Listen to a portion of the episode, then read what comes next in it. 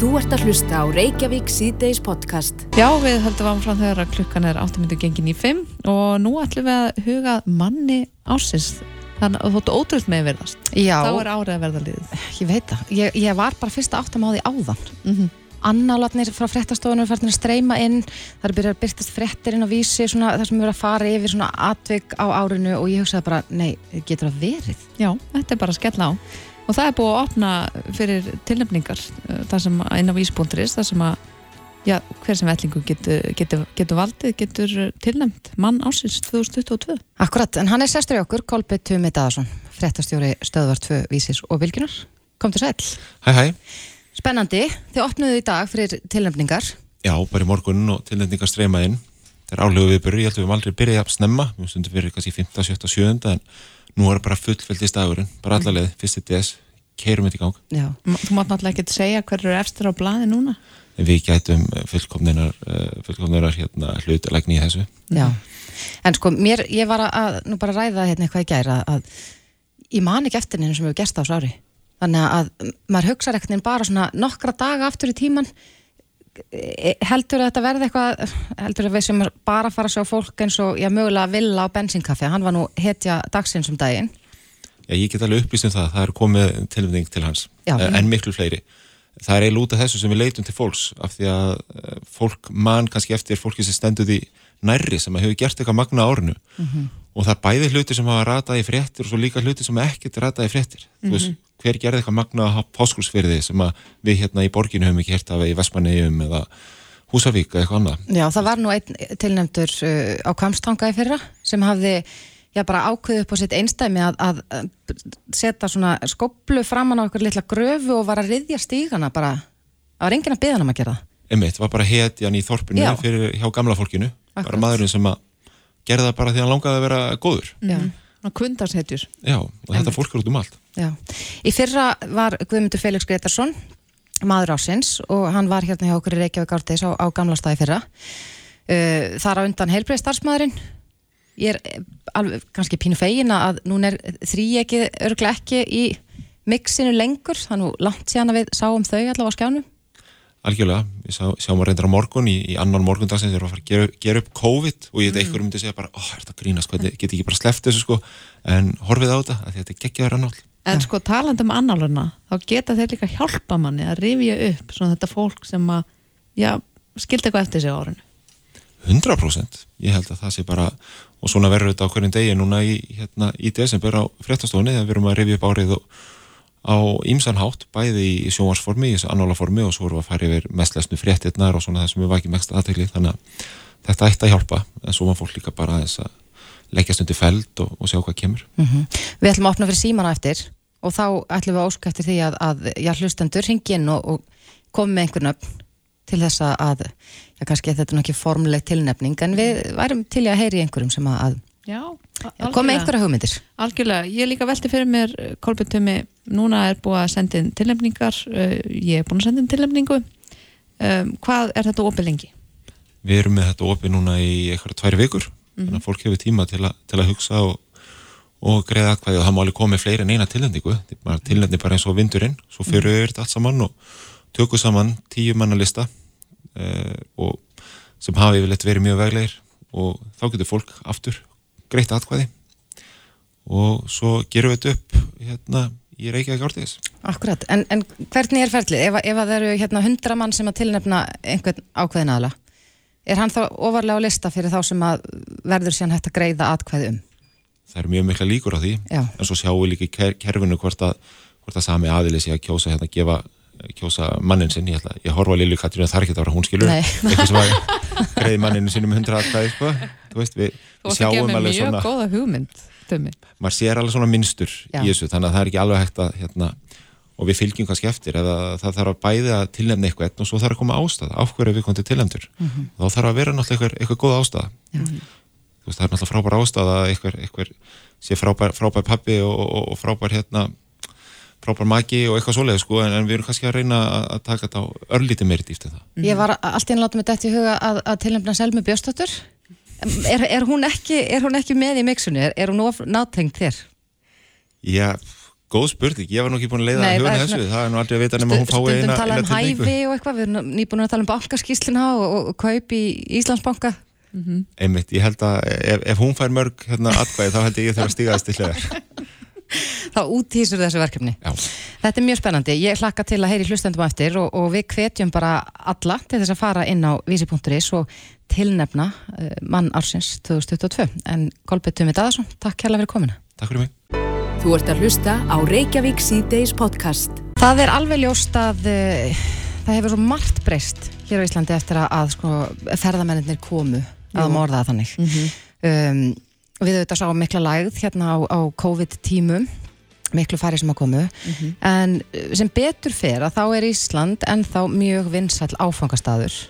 Já, Og- við sjáum það bara í nýri farþegarspá í Savia sem var kynnt í dag að það er búist til því að það er bara 8 miljónir farþegar fara um kemleikur flugvöld á næsta ári Mér finnst það hljóma eins og alveg uh, skuggalega hátala mm -hmm. Hann er sestur hjá okkur Guðmundur Daði Rúnarsson, framkvæmtastjóri viðskipta og þróunar hjá Ísafja Kom til sæll Sæl, gaman að vera þetta með ykkur. Já, sömulegis.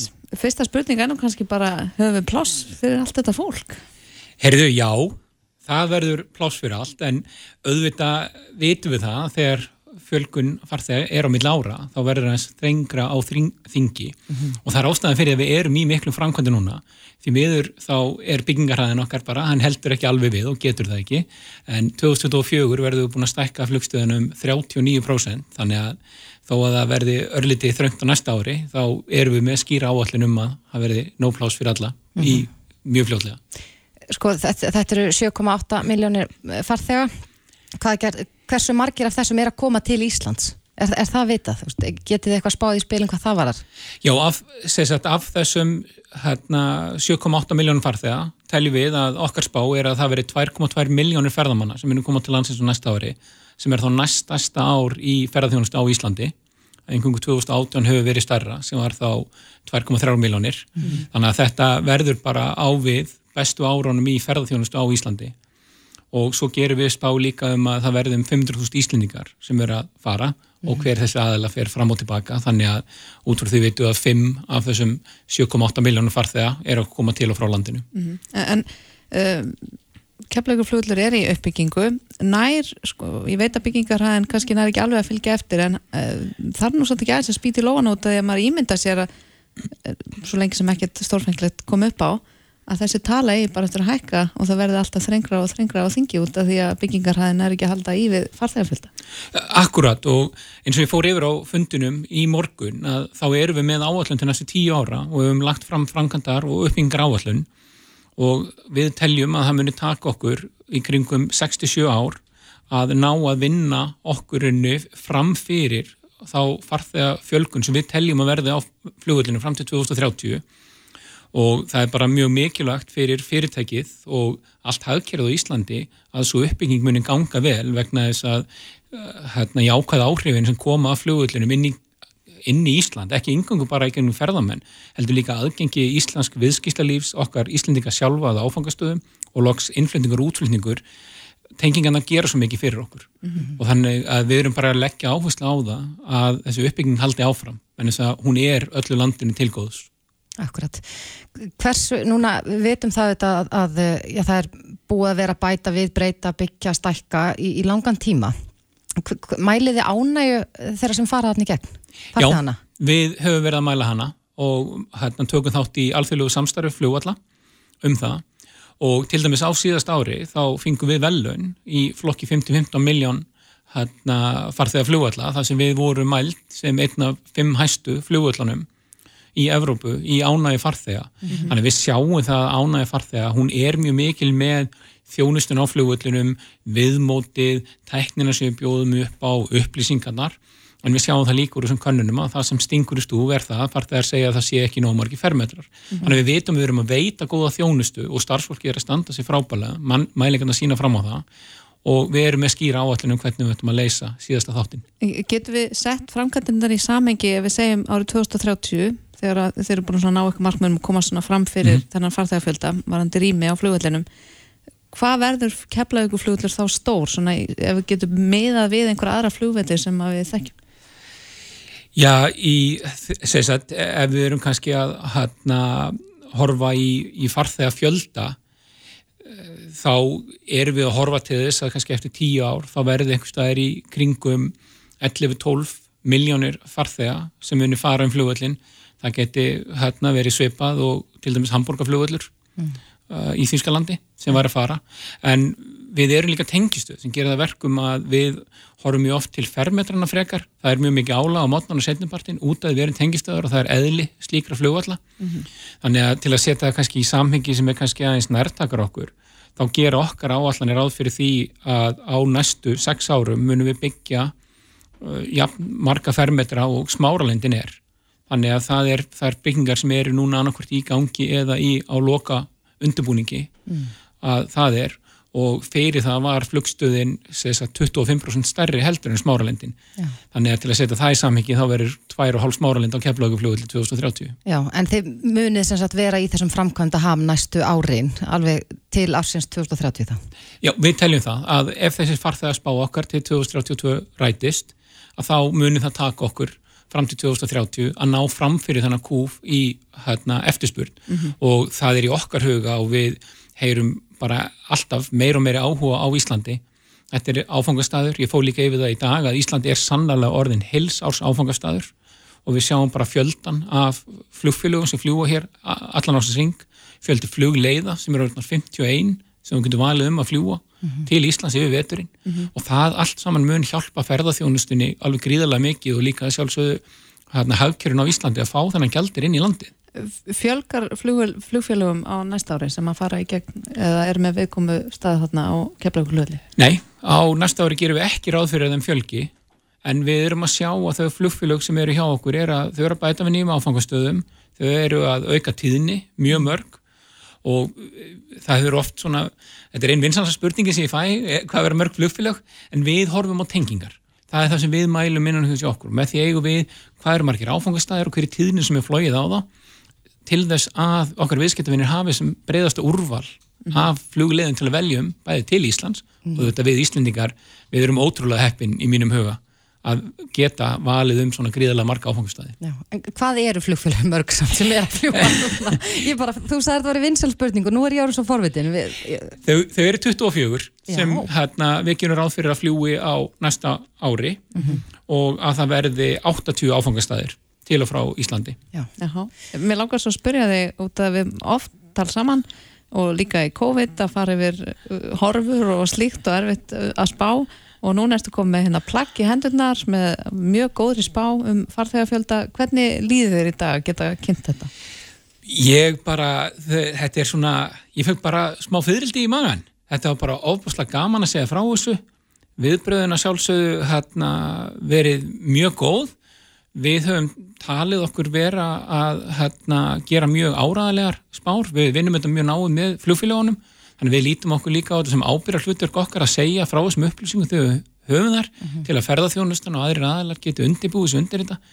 Þannig að ég verðilega bara að segja, mér líður alveg óbúslega vel og bara svo óbúslega stoltur af allir starfinu sem er gert á keflaguflugulli vegna þess að við horfum á flugullina í kringum okkur bæði sumar, mikið að fréttum af senkunum og töfum, niðurföllingum það var ekkert slíkt á keflaguflugulli það nánast ekki neitt og núna þegar við horfum á veturinn, þá er engin annar af stóru flugullunum til þess að Norðurlandunum í rauninni með meiri farþegafjölda en fyrir faraldur, nema við við verum með 11% fleiri farþega yfir veturinn var veturinn 1920 Já. Þannig við erum í einstakri stöðu sem flugvöldur og sem land í endurheimtinni og við höfum verið rosalega stolt að því á mínum mati. Já, ég ætla nú ekki að, kannski að draga úr góðarskapinu en hins vegar er, já, ekkert svo langt séðan að við vorum að tala um jarðhræringar á, á Reykjanesinu og, og auðvitað er, er keflaugur flugvöldur staðsettur þarna og það gæti eitthvað gerst. Hva, hvernig hugsið þið þetta? Er, er eitthvað varaplan? Nú hefur verið talað um já, flugvöld í Árborg eða að, að byggja upp varaflugvöld á Akureyri og Egilstöðum ebla þá meira?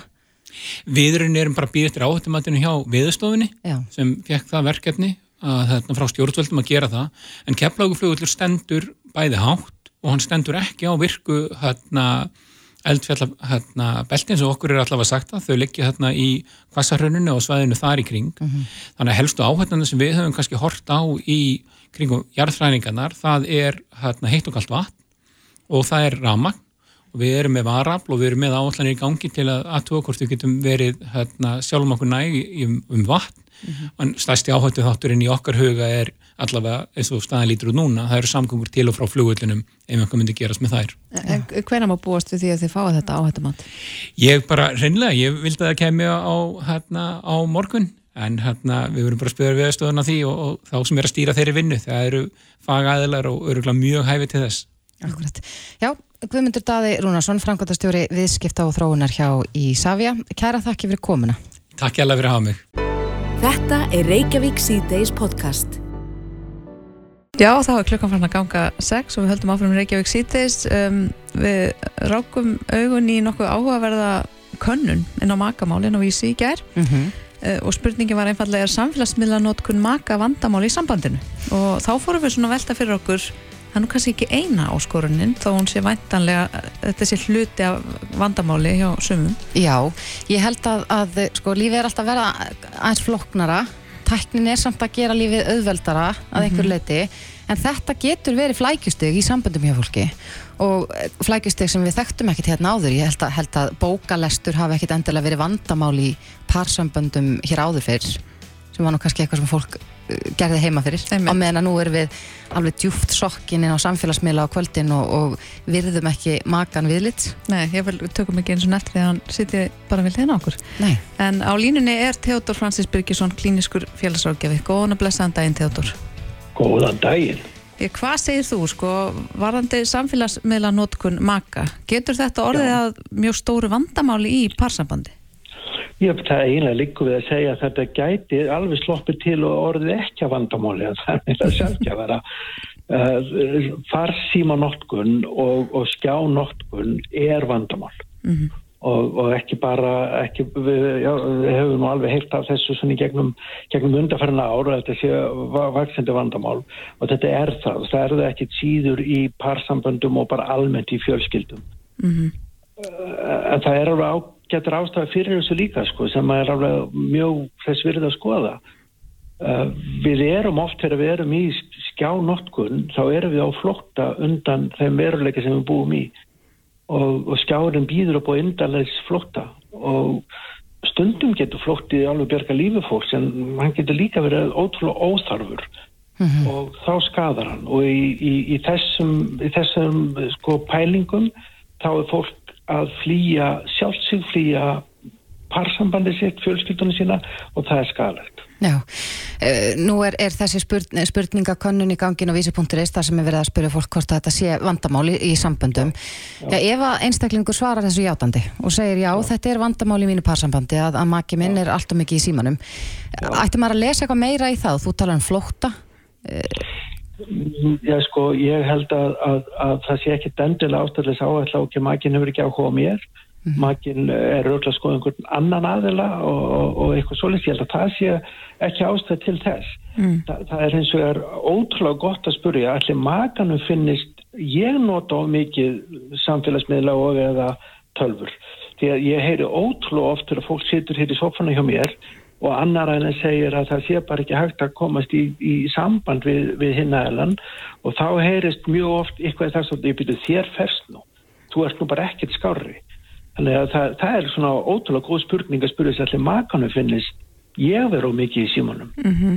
En, en lendur oft í því Teodóra þegar að koma til dæmis upp svona spurningar og, þegar fólk situr á sofanum hjá þér að Já. það fari í, fari í það álasa hvort annað að það fari í smá svona rifrildi eða þannig? Bara mjög oft mjög, mjög oft. Mm -hmm. og, og, og það er með það sem gerir svo oft í stæðis að við getum tekið bara uppbyggilega umræðu og mér finnst, mér líður í upplifi þá förum við þú, þú, þú. Og, og maðurinn er svo dásamlega vera að manninum homo sapiens okkur finnst við yfirleitt hafa rétt fyrir okkur Þannig að við sjáum miklu betra sem hinn er að gera vittlust heldur en sem við erum að gera vittlust. Akkurat, ég held að margir kannast við það. Já, og ég menna, ég er þar alveg sjálfur. Ég, til dæmis bara núna þegar ég er að tala við ykkur, þá finnst mér ég að hafa rétt fyrir þér. mér finnst það enda, ég er alveg sammálaðið þar, þú hefur alveg örglega rétt fyrir þér, enda, enda kannski með uh, sérfræði þekkingu sem við höfum ekki. En Teodor, núna er, er að, uh, í dag er fyrsti desember, það er stittist í jólinn um, og ég verð nú bara að segja að, að auðvitað upplifir maður já, svona ákveðna pressu, kannski smá kvíða, það, maður þarf að kaupa alla jólagjafarnar og svo mikið að gera. Er þetta mikill álagstími fyrir Í- Já, fyrir, fyrir fólk í mínu starfi sem vinnum með pörum og fjölskyldum er þetta, er þetta svona einn, af, af álagsmestu tímum ársins. Og, stundum gerum við að ganna okkar, ég og mín heitelskaða svona miðja nóvumber þá kveðjan og segi ég lof að koma heim fyrir jól. Eh, Þa, það er verulega mikið að gera og það eru líka góður ástæð fyrir því eins og þið voru að nefna streitan er ekki vinur okkar og það er bara ótrúlega margir sem að kvíða fyrir jólunum miklu meira en að hlakka til þeirra. Eh, það, og við gerum of mikið úr þessu líka, við erum allt og mikið að reyna að kaupa einhverja, einhverja, einhverja andartök. Eh, þegar ég held að allir séu sammálum að þetta ætti þetta snúast um samveru fyrst og fremst. En, en við reynum svolítið að kaupa hana og, og, og það leiðina við það er að það tekst ekki Nei. þannig að þá lendum við í svona einhverju vítarhing kapplaupi við að reyna að kaupa einhverja stemmingu, kaupa einhverju upplifanir og oft er streitan meiri heldur en ánægjan í tengslu við þetta saman En þú segir að þetta sé mikill álagstími fyrir fólki í þínu starfi. Er þá, er þá kannski jóla, kvíði og streyta eitthvað svona upphafið að einhverju meira sem að býra baki? Já, sko, þegar það er kvíði og streyta fyrir jólum, þá er það yfirlega þess að það er eitthvað undirliggjandi í lífi eins eða fleiri einstaklinga í þeirri fjölskyldu sem er ekki ánægilegt. Og því miður er það bara þannig að, að það er fullt af fólki sem má ekki endilega ákvæða minningar á jólum.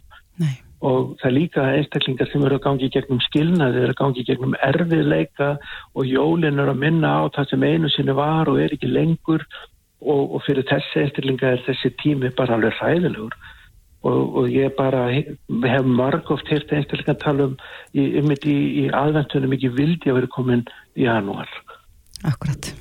þannig að þetta er bara erfið tími fyrir marga svo eru aðrir sem að sitja uppi með að vera heilmikið með fjölskyldunum sinni og tendamamma kemur líka og þá fer allt á hliðina þannig að þeir einstaklingar eru líka í kvíði yfir þessu þetta er ekkit endilega fyrir alla tilsökun Nei. Eitt enn sem að já, tengist jólunum, það byrtist greinin á vísi.is í gær sem hefur já, verið mikið lesin í það minnsta þar sem er talað um þriðju vaktina í aðdraganda jólana er, er, og, og þriðja vaktin fyrir þá sem ekki þekkja er, eru svona þess, þessi hugræna byrði sem að oft skip, leggst meira á einn einstakling í parsambandi heldur en hinn. Já, er já. þetta mikið rætt á sófanum hjá þér og, og hvað er til ráða? Já, já, já, þetta er sko gríðarlega mikið rætt. Og, og hérna án þess að ég vilja halla á kynbræðu mín að þá er oftar, eh, oftar sko kona ef það er, ef það er sko það eru karl og kona í parsamband nú oftar konan sem að situr svolítið uppi með þessi þriðjavakt það er eitt alveg ótrúlega gott ráð. Og nú ættu öll pör sem er á þessum stað af sperra erun það er nefnilega til ótrúlega gott ráð við þessu. Og það er að breyta þessu var þetta ekki einfalt? Mjög einfalt. Mjög einfalt. Þetta er eitthvað sem að pör þurfa að ræða um. Það Já. er náttúrulega ekkert sangjant að annar ræðilin, hvor ræðilin sem það er. Það er ekkert sangjant að annar ræðilin sitja uppi með allt, allt þetta álag og það er bara gríðarleg vinna að vera með börn og fjölskyldu í dag. Já. Þannig að bara skipta með sér verkum. Já, algjörlega og það þarf bara að þóra að setjast niður og, og ræða þetta. Og ég dái svo að þeim pörin sem þóra því. Þóra bara að segja, ok, hei, ég elska maka minn en þetta þóli ég ekki. Nei, Getur við ekki aðeins rætt þetta? Og að hinna ennum þurfi þá ekki að fara bara í vörn og, og, og, og, stundum lætur, ef, segjum að sitt launamunur á milli para, þá stundum skýlir þá sem er tekjuhæri, hvað ræðin sem það er, uh, þá skýlir launahæri aðeins, já, ég er nú vinnandi, við erum öll vinnandi, bara mismunandi hvort sem fáum laun fyrir vinnan okkar eða ekki og komum svo mikið laun að fáum fyrir hana. En, en það er vinna eiga fjölskyldu, bara ótrúlega mikil vinna og við þurfum að geta skipt verkum með okkur með, með, með það sangjörnum hætti að við varum til í að vera hinnahelin. En hvert er þá fyrsta skrefið? Á maður bara hennilega að setjast niður og, og skrifa niður öll hérna, verkefni þriðju vaktarinnar og, já, og átt að sjá já. umfanginu kannski fyrst áður maður fyrir að, að, að já, skipta verkum. Já og veistu það, ég heyra ótrúlega oft í sofanum að, að þegar fólk er svona að fara yfir þetta og ég rekna bara lauslu í hugunum, þá eru báðir aðlar að sinna 90% heimilistarón. Þá er einhver rekna villust. Já.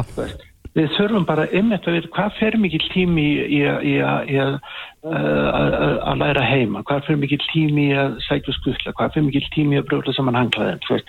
Allt þetta sem við erum að gera og, og, og ef annar aðilinn vinnur sko miklu minna úti, þá er alveg eðlilegt að sá aðilinn tæki meira af þessari vakt. En þegar báðir aðilar eru í fullri vinnu, það var bara eðlilegt, algjörlega óhóð innkomu sæla fyrir sig, bara eðlilegt að vinna álega deili sangjant Mhm. og, og ég og mín heitel sko um yfirleitt haft þetta svona við reynum að finna út væri ég til ég verið hinn aðeilin væri ég til ég ég væri um allt vinna álega sem hinn aðeilin er með og, og, og mæki minn sé þá bara með þessi ég er með það færi mann ósálrótt nær miðjunni. Mhm. Þú veist, þetta er ástæðan fyrir því að fyrir 17, nei 20 árum þá tók ég bara við allum þótti heima.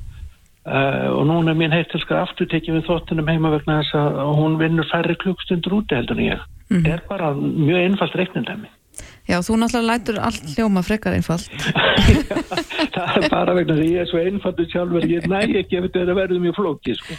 En sko, Theodor, svona, mér langar aðeins að fara aftur á samfélagsmiðlunum, bara svona rétt í lokin um, fyrir þá sem eru að hlusta og koma heim til sín og eftir og leita í síman í staðin fyrir mannleg samskipti. já, Hvernig getur maður svona rifið sig úr því bara í uh, nú og, og þegar, sem sagt, þegar maður sest niður, hva, hvað á maður að segja við sjálfan sig? Ég held að það er ótrúlega mikilvægt að öllu sé afmarkaður tími. Það er ekkert óæðilegt að nota samfélagsmiðla. Við erum í alls konar samskipt með fólk sem okkur þykja væntum í gegnum samfélagsmiðla. En það er líka hægt að segja bara ákveðin tími dagsins er ekki verið með samfélagsmiðla og eða síman almennt uppi við. Uh, til dæmis bara ef það er fjölskytta með börn og báður að koma heim einhvern tíma um eftirmiddaginn segjum bara 5-6 þá er bara ótrúlega snjált að það sé ekki litið á síma fyrir neftur klukkan átta bara að gefa tekki tíma pásu Já. og allir Já, og, þetta er, og, og þetta er bara ákvörðun það er ekkert flókið, þetta er bara ákvörðun en hún er ekkert endilega auðveld en þetta er samt bara ákvörðun já, þetta er, er, ég held að þetta sé fínt umhugsunar efni fyrir fólk sem Já, að, að, kannast við þetta. Bæði þ- hvað, þetta varðar og þriðjuvaktina sem vorum að ræða hérna á. Já, En. Theodor Francis Birgisson, klíniskur félagsráðgjafi, kærar þakki fyrir þetta. alltaf gaman að vera með ykkur eigi góðan dag, Sumulegis. Takk takk Bless. Þetta er Reykjavík C-Days podcast. Hefur þú eitt talað um líftæknilif, Lilja mín? Jú, uh, vissulega. Já, ég hef nú bara svona heyrt þessu svona fleikt fram án þess þó að átta mig eh, almenn láði hvað líftæknilif eru og hvernig þau eru frábröðin öðrum lifjum en ég heyr, heyrði mjög áhugaverða sögum daginn þar sem að, að maður uh, maður sem að, að er búin að glíma við veikindi lengi og er, er með uh, svo kallega psoriasis gikt hann var hættur að geta nota hendurnar. Mm. nefarnir voru alveg komin svona kreftir fastir þannig.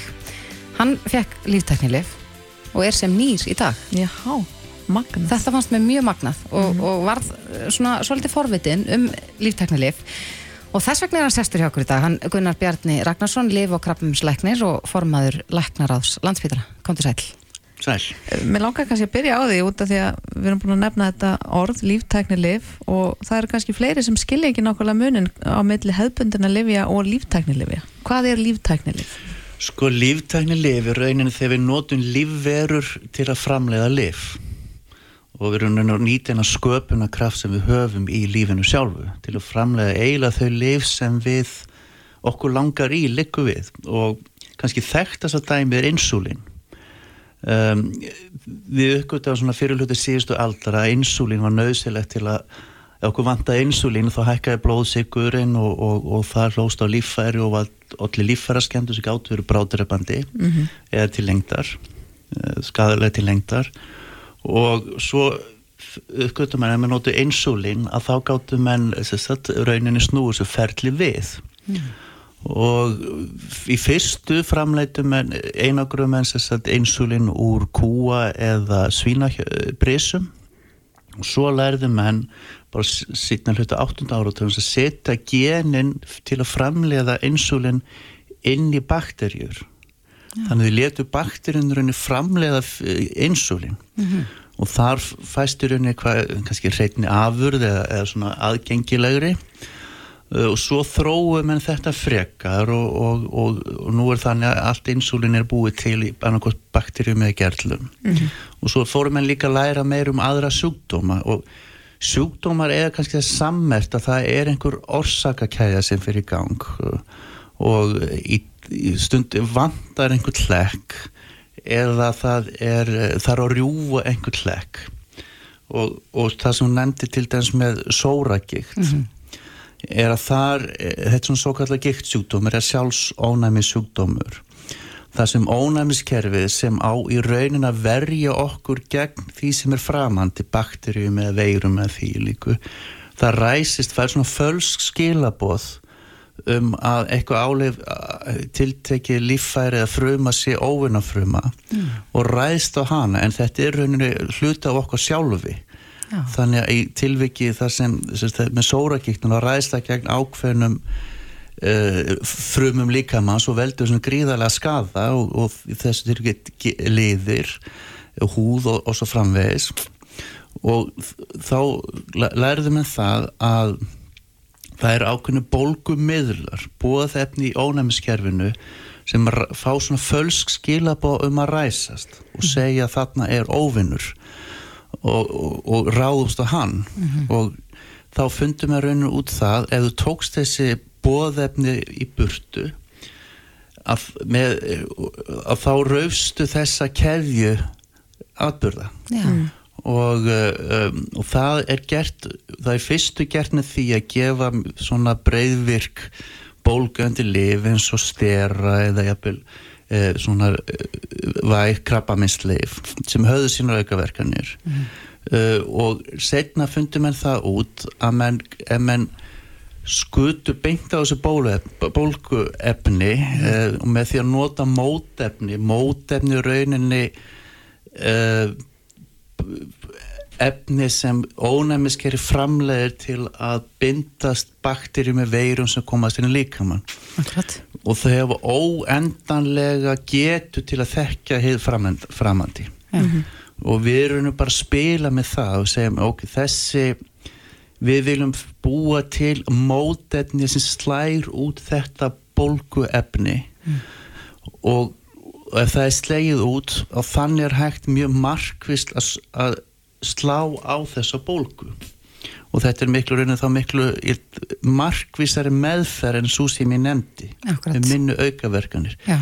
og setna meir erum við líka farnir að, að og, og þetta hefur raunin valdið því að margir sem áður löðus bara í kör gátt ekki unni eða, eða svona lifa elu lífi raunin geta nú seint vinnu og, og, og fara ekki örorku eins og kannski gerðu áður Já Nú og setna fórum enn að svona útvika þetta og, og nú er þetta komið mikið inn í krabbamensmeðferð þannig sem ég þekki kannski best til Já. Mhm.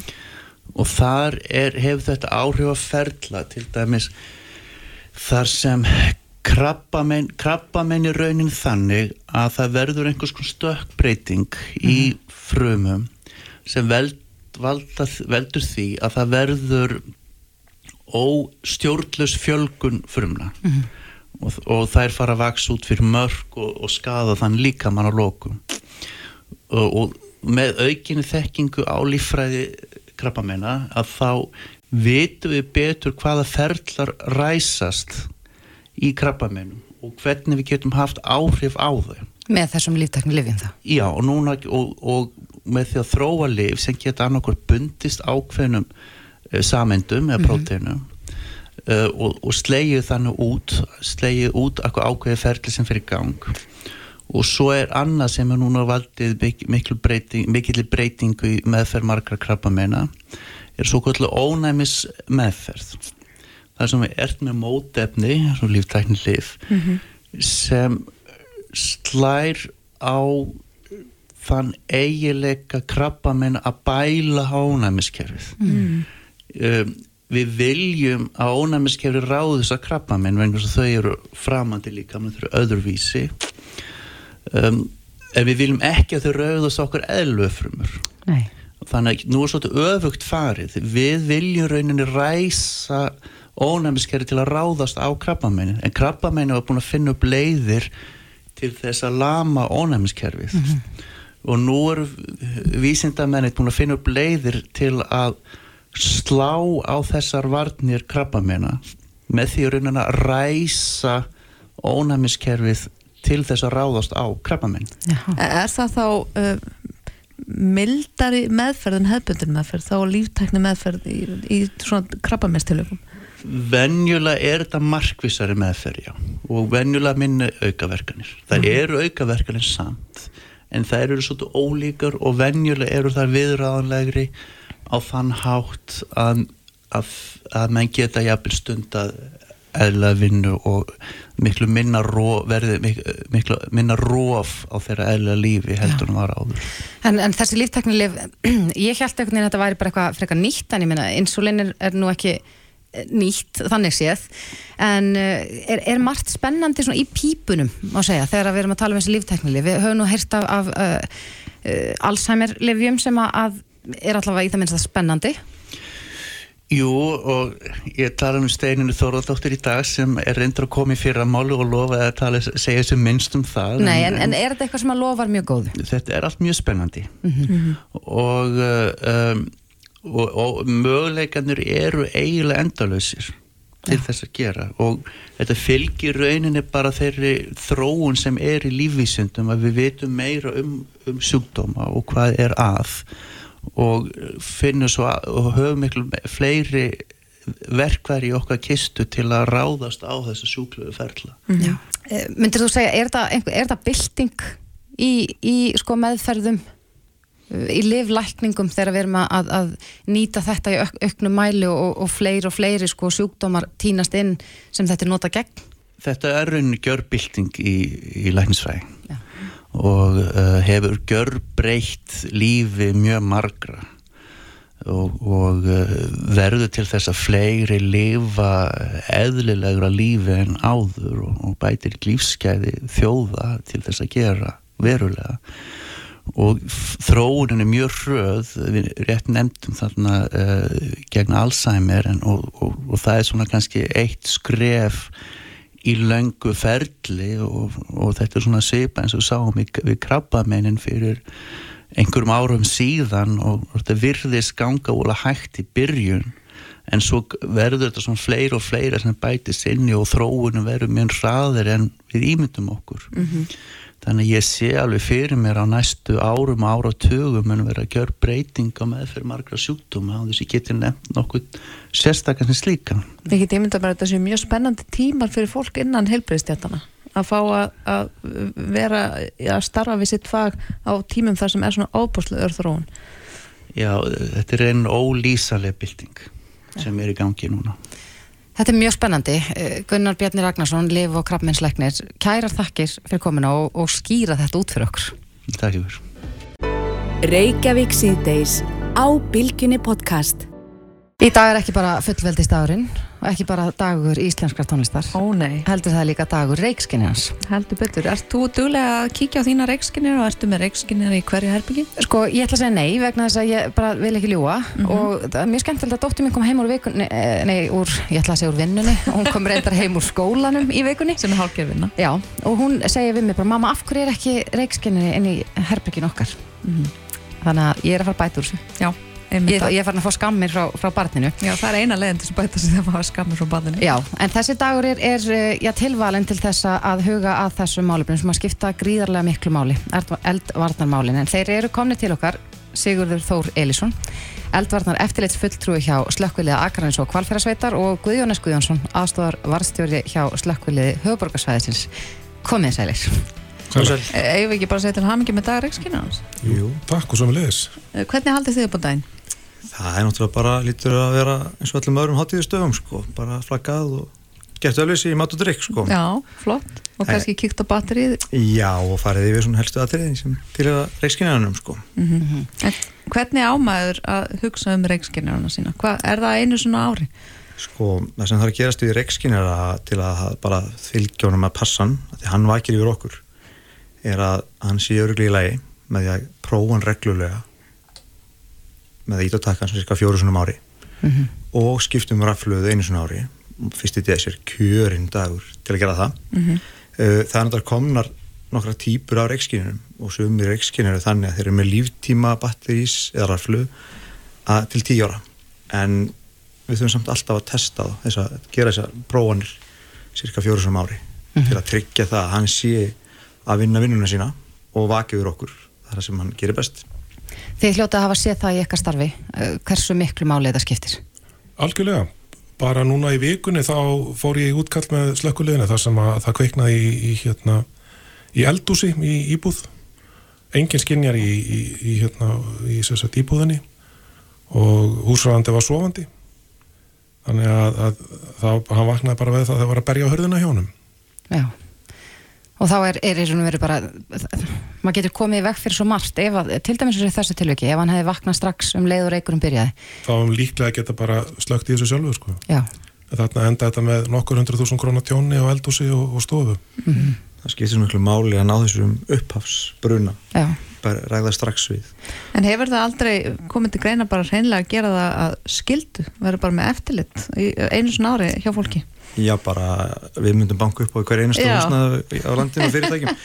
Jú, sko, eldvarn eftirlit sem slökkulegin sinna um all land, þetta er hluta þeirra skoðunum og það náttúrulega er aðalega verið að skoða stopnarnir og skóla og þínulíkt, en heimilinn eru svolítið, ég sé ekki út af, en þau veru í, þau fara náttúrulega í lokaúttekt þegar fluttir inn í það, þau eru ekki svo lokaúttekt en auðvitað er það bara fólksinn sem býr, er okkar öryggi, við þurfum að passa upp á okkar öryggi bara þetta er, þetta er veist, heimilið okkar og okkar greiðastæður, auðvitað vill maður hafa þetta bara í standi. Já, eh, hefur ekki orðið mikil svona breyting á eða er nú kannski vitundarvakning í þessu málum? Fólk er, já, með fleiri hlutin á heimilinu, svona eldvarnar teppi eða eh, tæki, reikskinja. Algjörlega, þetta, þetta bara sem betur fyrir þá held ég að þetta sé í go- þó nokkuð góðum álum víðast hvar. Við viljum bara ná þessum fáu sem eftir eru. Af því að, að, að hérna eins og Sigur er komið þetta inn á þetta er ódýr líftrygging. Kaupa kannski reikskinir á 2000-3000 krónur eða eitthvað þannig. Og það er að gefa hann batteri að borða einu svona ári. Þannig að þetta er ekkit, þetta er ekkit stórt. Nú við náttúrulega hvetjum fólk til þess að vera með, með reikskinjara í öllum rýmum í stofunni, í Svefnumbergjónum á svona samveilugum stöðum. Þannig að, að, að hérna, við vöknum þá ef að þetta fer í gang. Og núna er náttúrulega desember gengin í garð, ég býst við að það sé mánuður þar sem hvað flestir kveikja kertum vilja hafa það hugulegt en algjörlega. maður þarf að hafa varna á líka. Já, og bara, bara passa sig að það sé ekki svona, bara kerti og annars sé ekki skilið eftir, án eftirlits. Og sé bara fylst með þessu og sé ekki svona óþára dót sem eigi þá greiðan leið að loganum í kertinu því að logandi í kerti er mjög flott og allt það en, en það getur líka verið fljótt að breytast í minna skemmtilegt tilefni Mhm. þannig að Er þetta annarsamur mánuður, desember, fyrir ykkur? Já, það getur alveg verið það það er svona það er ekkert gefið að það sé allt brjálað að gera en, en þetta getur alveg fyllt þessu að það kveiknar í einn og einn í kertaskertingu og þannig þannig þannig við þurfum að rjúka í það en við höfum svo sem líka verið að benda fólki á að, að til dæmis það sem eru ung börn og, og gæludýr á heimilum að staðins að vera með lifandi kerti að kaupa sér bara svona þessi litlu leddkerti þau gefa svona svipaðan sjarma og enginn hægt að það kveikni út frá þessu. Nei. En er einhvers þar að það nálgast eitthvað svona gátlista bara ef maður, já, vildi til dæmis bara taka þennan dag, dag reikskina, svo þetta skiptir maður um batteri, en, en vill jafnvel bara svona aðeins fara yfir heimilið, er heimilið nægilega vel útbúið? Já, það er til dæmis hjá Húsnars- og maðurkjastofnun við erum með þeim í smá verkefni Húsnars- og landsamand slökkulis og sjúkurlutningamanna eru sett, halda þennan dag sem saman svona með pompaprækt og eru svolítið að halda upp á hann. Og inn á síðinu ertu eldklár? eru gaglegar upplýsingar varðandi þetta bæði byrjunarnir heimilisins uh, hvernig hún kemur fyrir reikskjunum með staðrandi staðsetningar uh, húsjölög og bara og svona gátlista sem eru liggja þar inni. Og ég bara hveit alla sem að kíkja þar inn og bara haka í þau bók sem þarf að haka í. Að þetta er einhverja, hann er bæði semst stutt vídeo og leðbenningar og, og það er bara verið að vinna mjög flott starf hjá svona margistofnum í þessum máluflokki og við í slökkulífanum erum að bakka þau upp og landsamann slökkulismanna landsamann slökkulis og sjúkurflutningamann er að styðja það og aðstóða í þessu verkefni Já, vertu eldklár.is ég er komin inn á síðuna þá veit ég alveg hvernig ég mun verja kvöldinu mín í kvöld. Já. og kannski þórtís Ég líka. ætti ekki, það er náttúrulega fyrst að koma við búið að kaupa reikskina, Já. fleiri reikskina, ég, ég, það er einn, á heimilinu.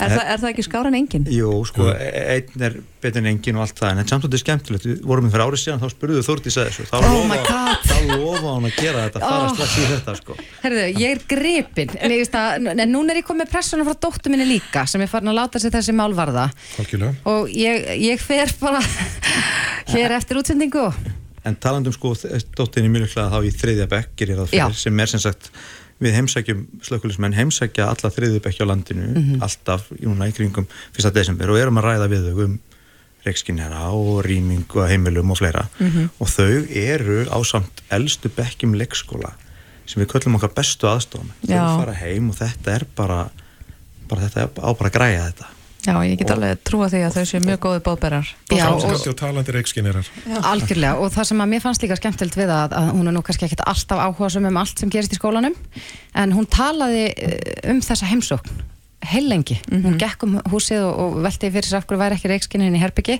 og svo sagði hún með sögu eh, reyndar með sorglega sögu af, af bruna sem varði í hlýðunum fyrir ekki mörgum árum síðan. Og þá hafði hún heyrst það þar og þetta situr eftir henni. Þannig að það er frábært að fá þessa litla aðstafamenn inn á heimilin þeir, þeir eru algjörlega stórkostlegi fyrir okkur. Já, já og, alla hina líka þetta þetta, er, þetta er líka frábært sko, sérst, við förum og, og erum að fræða þau. Svo tökum við út og síðan slökkubíl og, og sjúkrabíljapil og svona.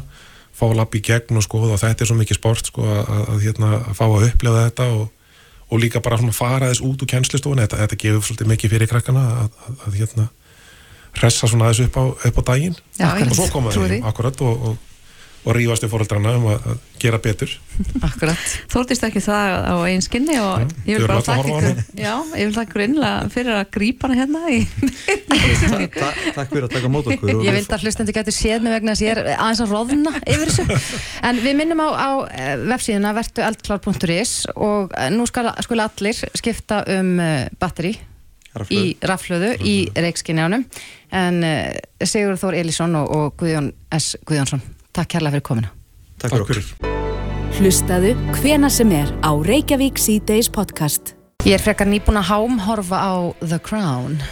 Já, nýjastu serju nýjastu serju um, og ég lendi í vandræðum því að horfa á þætti vegna þess að, að eh, ja, hver þáttur er eitthvað svona bylunum 40-50 mínútur. En ég er svona meðaltal í einu og halva klukkstund að horfa á eitt þátt. Nú, vegna þess að, að ég er alltaf að stoppa. Og googla. Googla. Og fara svo YouTube og finna alvöru augnablikin og spegla, sko, er þetta er kjóttin svipaður?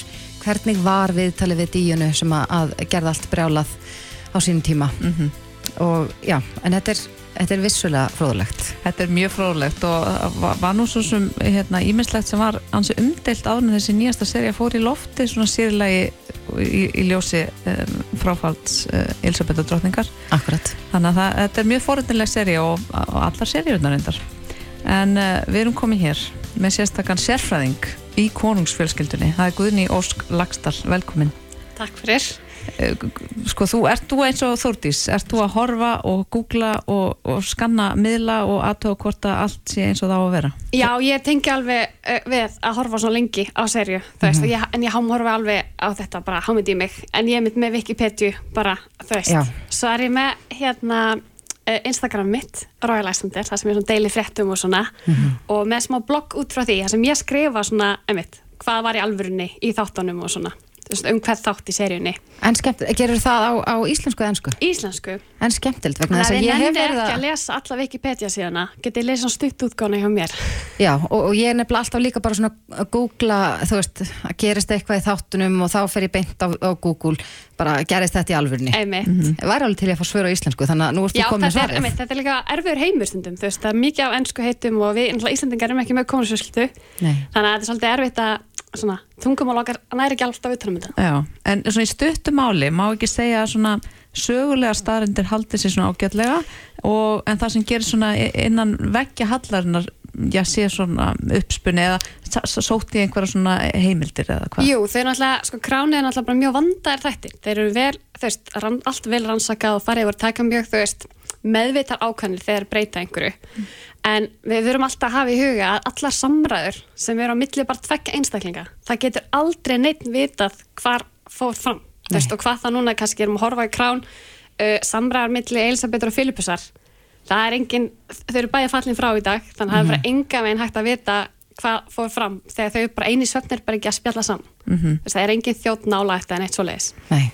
Eitt af því sem er mjög áhverst í þessa séri vegna þess að ég, ég vissi mjög lítið um, um konungsfjölskylduna áður en ég byrjaði að horfa bara fyrstu séri af The Crown. Ég hef bara einhvern veginn aldrei látið með þessi mál varða. En uh, vissi samt að hann, hann Karl er giftur henni Kamilu Já. og en ég hafði ekki hugmynd um að það hefði verið eitthvað ástarsamband í laun og meðan hann var giftur díunu Já, já. En eh, hvernig fóru þau að því að, að sko, út af díjana var svo mikil góðsögn í. Breitlandi Og er það ennþá, það má valla segja neitt á mótinni, sko. Þú veist, hún er bara svona dillingurinn. Já, en, en hvernig fóru þau að því að, að, að láta almenning taka Kamilu í sátt? Það er komið inn að, það er mjög vel sínt í nýju seríunni. Þau þess að ráða inn hérna, ég man nú ekki hvað hann heitir alveg fullu nafni, en þau fá svona PR sérfræðing og bara undanfann ár, þú veist, Karla Kamila gifta sig 2005 og var alveg mikið mál að þau ætluðu að fara að gifta sig og, og hún bara var mjög illa liðin bara mjög lengi, þú veist, alltaf konan sem að eiðilæði díunu, þú veist, eiðilæði hjónabandi og svona, þau er alltaf voru í ástasambandi fyrir og eftir hann giftist henni. En þetta er bara búið að vera ótrúlega flott e, þú veist, svona út frá því svona almenningsálindi, er Mhm. ógeðslega flott hvað búið að ná að breyta almenningsálindinu á Kamilu Já, í dag er hún bara mjög virt og er með flott málefni sem hún vinnur í og ellast mikil eh, talskona þau að standa upp fyrir fórnalömpum þau veist kynbundis afbeldis og er mjög mikið þau veist fyrir að hitti fórnalömp og mikið af viðbyrjum sem svona tengjast í og safnar penningu fyrir góðgerðsamfyrir sem hjálpa konum í þeim aðstæðum. En, en þau karl náttúrulega líka eru eins og sniðin fyrir hvort annað. Já, ég held það, ég segi alltaf ég held þessu stórfyrirleg, bæði tvö en ég held þessu mjög glöði fundu hvort hann en af hverju giftust þau ekki bara á þau? Sko, ég, ég skil ekki hvers vegna hann giftist díunu þetta, þau litu nú ekki út fyrir mjög hamingisum og það er náttúrulega mjög fleik setning sem kemur fram í þáttunum að, að hann er spur, spurður sko, þarna, er þetta ást eða eitthvað? Já. Og þá segir hann, já, hvað svo sem það er. Nákvæmlega. Það er nú ekkit mjög sannfærandi svar fyrir einhvern sem er við það að fara að gifta sig. Já, svona rauður fáni bara strax kannski. Já. Af hverju giftist hann ekki bara Kamilu Þetta er bara þessi enski aðall veist, þessi efri stjætt þetta er náttúrulega, þegar þau er að gifta sig svona, þá er ennþá svona við líði þessi gífulega gamaldags uh, hugsunarháttur. Um hver, hver rétt að giftast þessari mannesku og eitthvað svo og við sjáum það til dæmis bara í þessari krám, þú veist, samband Kamilu við eiginmann síns, þau eru ekkert hjón, þú veist, þau eru bara gift en þau eru ekkert eitthvað, þú veist, eiga mjög ástar mikið hjónarband En, en var það nú ekki partur af því af hverju Kam, Kamila og Karl giftu sig ekki strax þegar hún var bara lofað öðrum? Jú, að einhverju leiti sko, svo líka bara hérna var hún ekki talin nógu góð mm. veist, ekki talin vera, þú veist, nógu fullkomin til að verða þess að prinsessan af Wales af því það er mjög svona virtur titill En, en Uh, hvað finnst þér um hvernig samband Karls og Díun er sínt í The Crown? Mér finnst það alveg vera sko nokkuð, ég er náttúrulega of ung. Ég man ekki eftir því að hafa séð þau þú veist, ég er bara, hérna man bara eftir að Díana hafa verið dáin.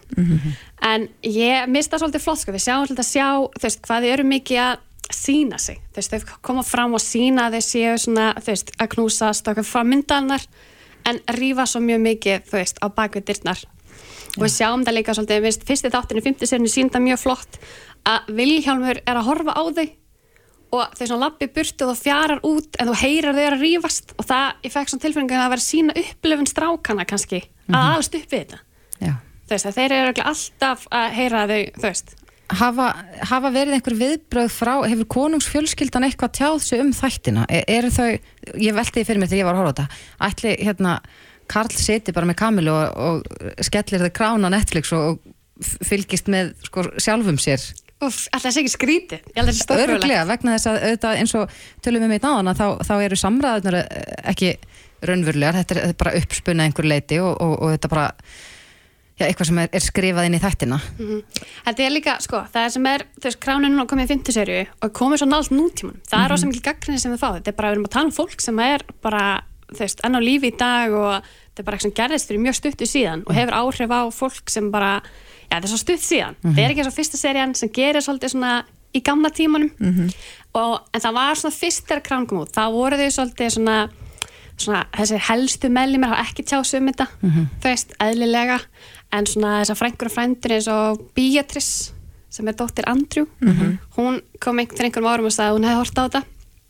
Og þau hafi, þú veist sýnt Elisabetu þátt eitthvað svo list, þeir voru að komið upp hérna svona fyrstu seriurnar, en ég held þessi alveg hægt að horfa þetta, þetta er komið svona nálægt nútímanum. Já, að þetta voru kannski bara að ég veit ekki, ég held bara ímyndi ykkur að einhver myndi búa þátt um hvernig fóldrar ykkar kynntust eða skilnað mm -hmm. fóldrar ykkar, þetta er auðvitað stórföðulegt Já, ég býst nálega við því sko, en, en talandum að færa sig inn í nútíman, þá fáum við náttúrulega aldrei að sjá í The Crown, uh, skilst mér, uh, brúðköp Harry og Meghan.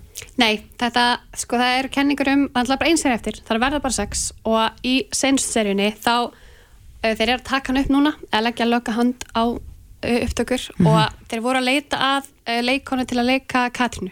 Já, já. satt, og á veist ung aldri þannig að talið að seríunum muni enda á því að þegar þau eru að kynnast í háskóla þannig að þú veist, se, kannski í seinasta þættinum sjáum við Katrínu en Megan mun aldrei koma til söguna, aldrei ná það langt sko. En, en hún fyrir bara í sin, sinni eins og Þau eru líka bara sinna í það Já, sem það var akkurat, já, það byrtist stikla, er það ekki bara í dag? Jú, Úr bara í hádeginu. Umdeildum heimils, eh.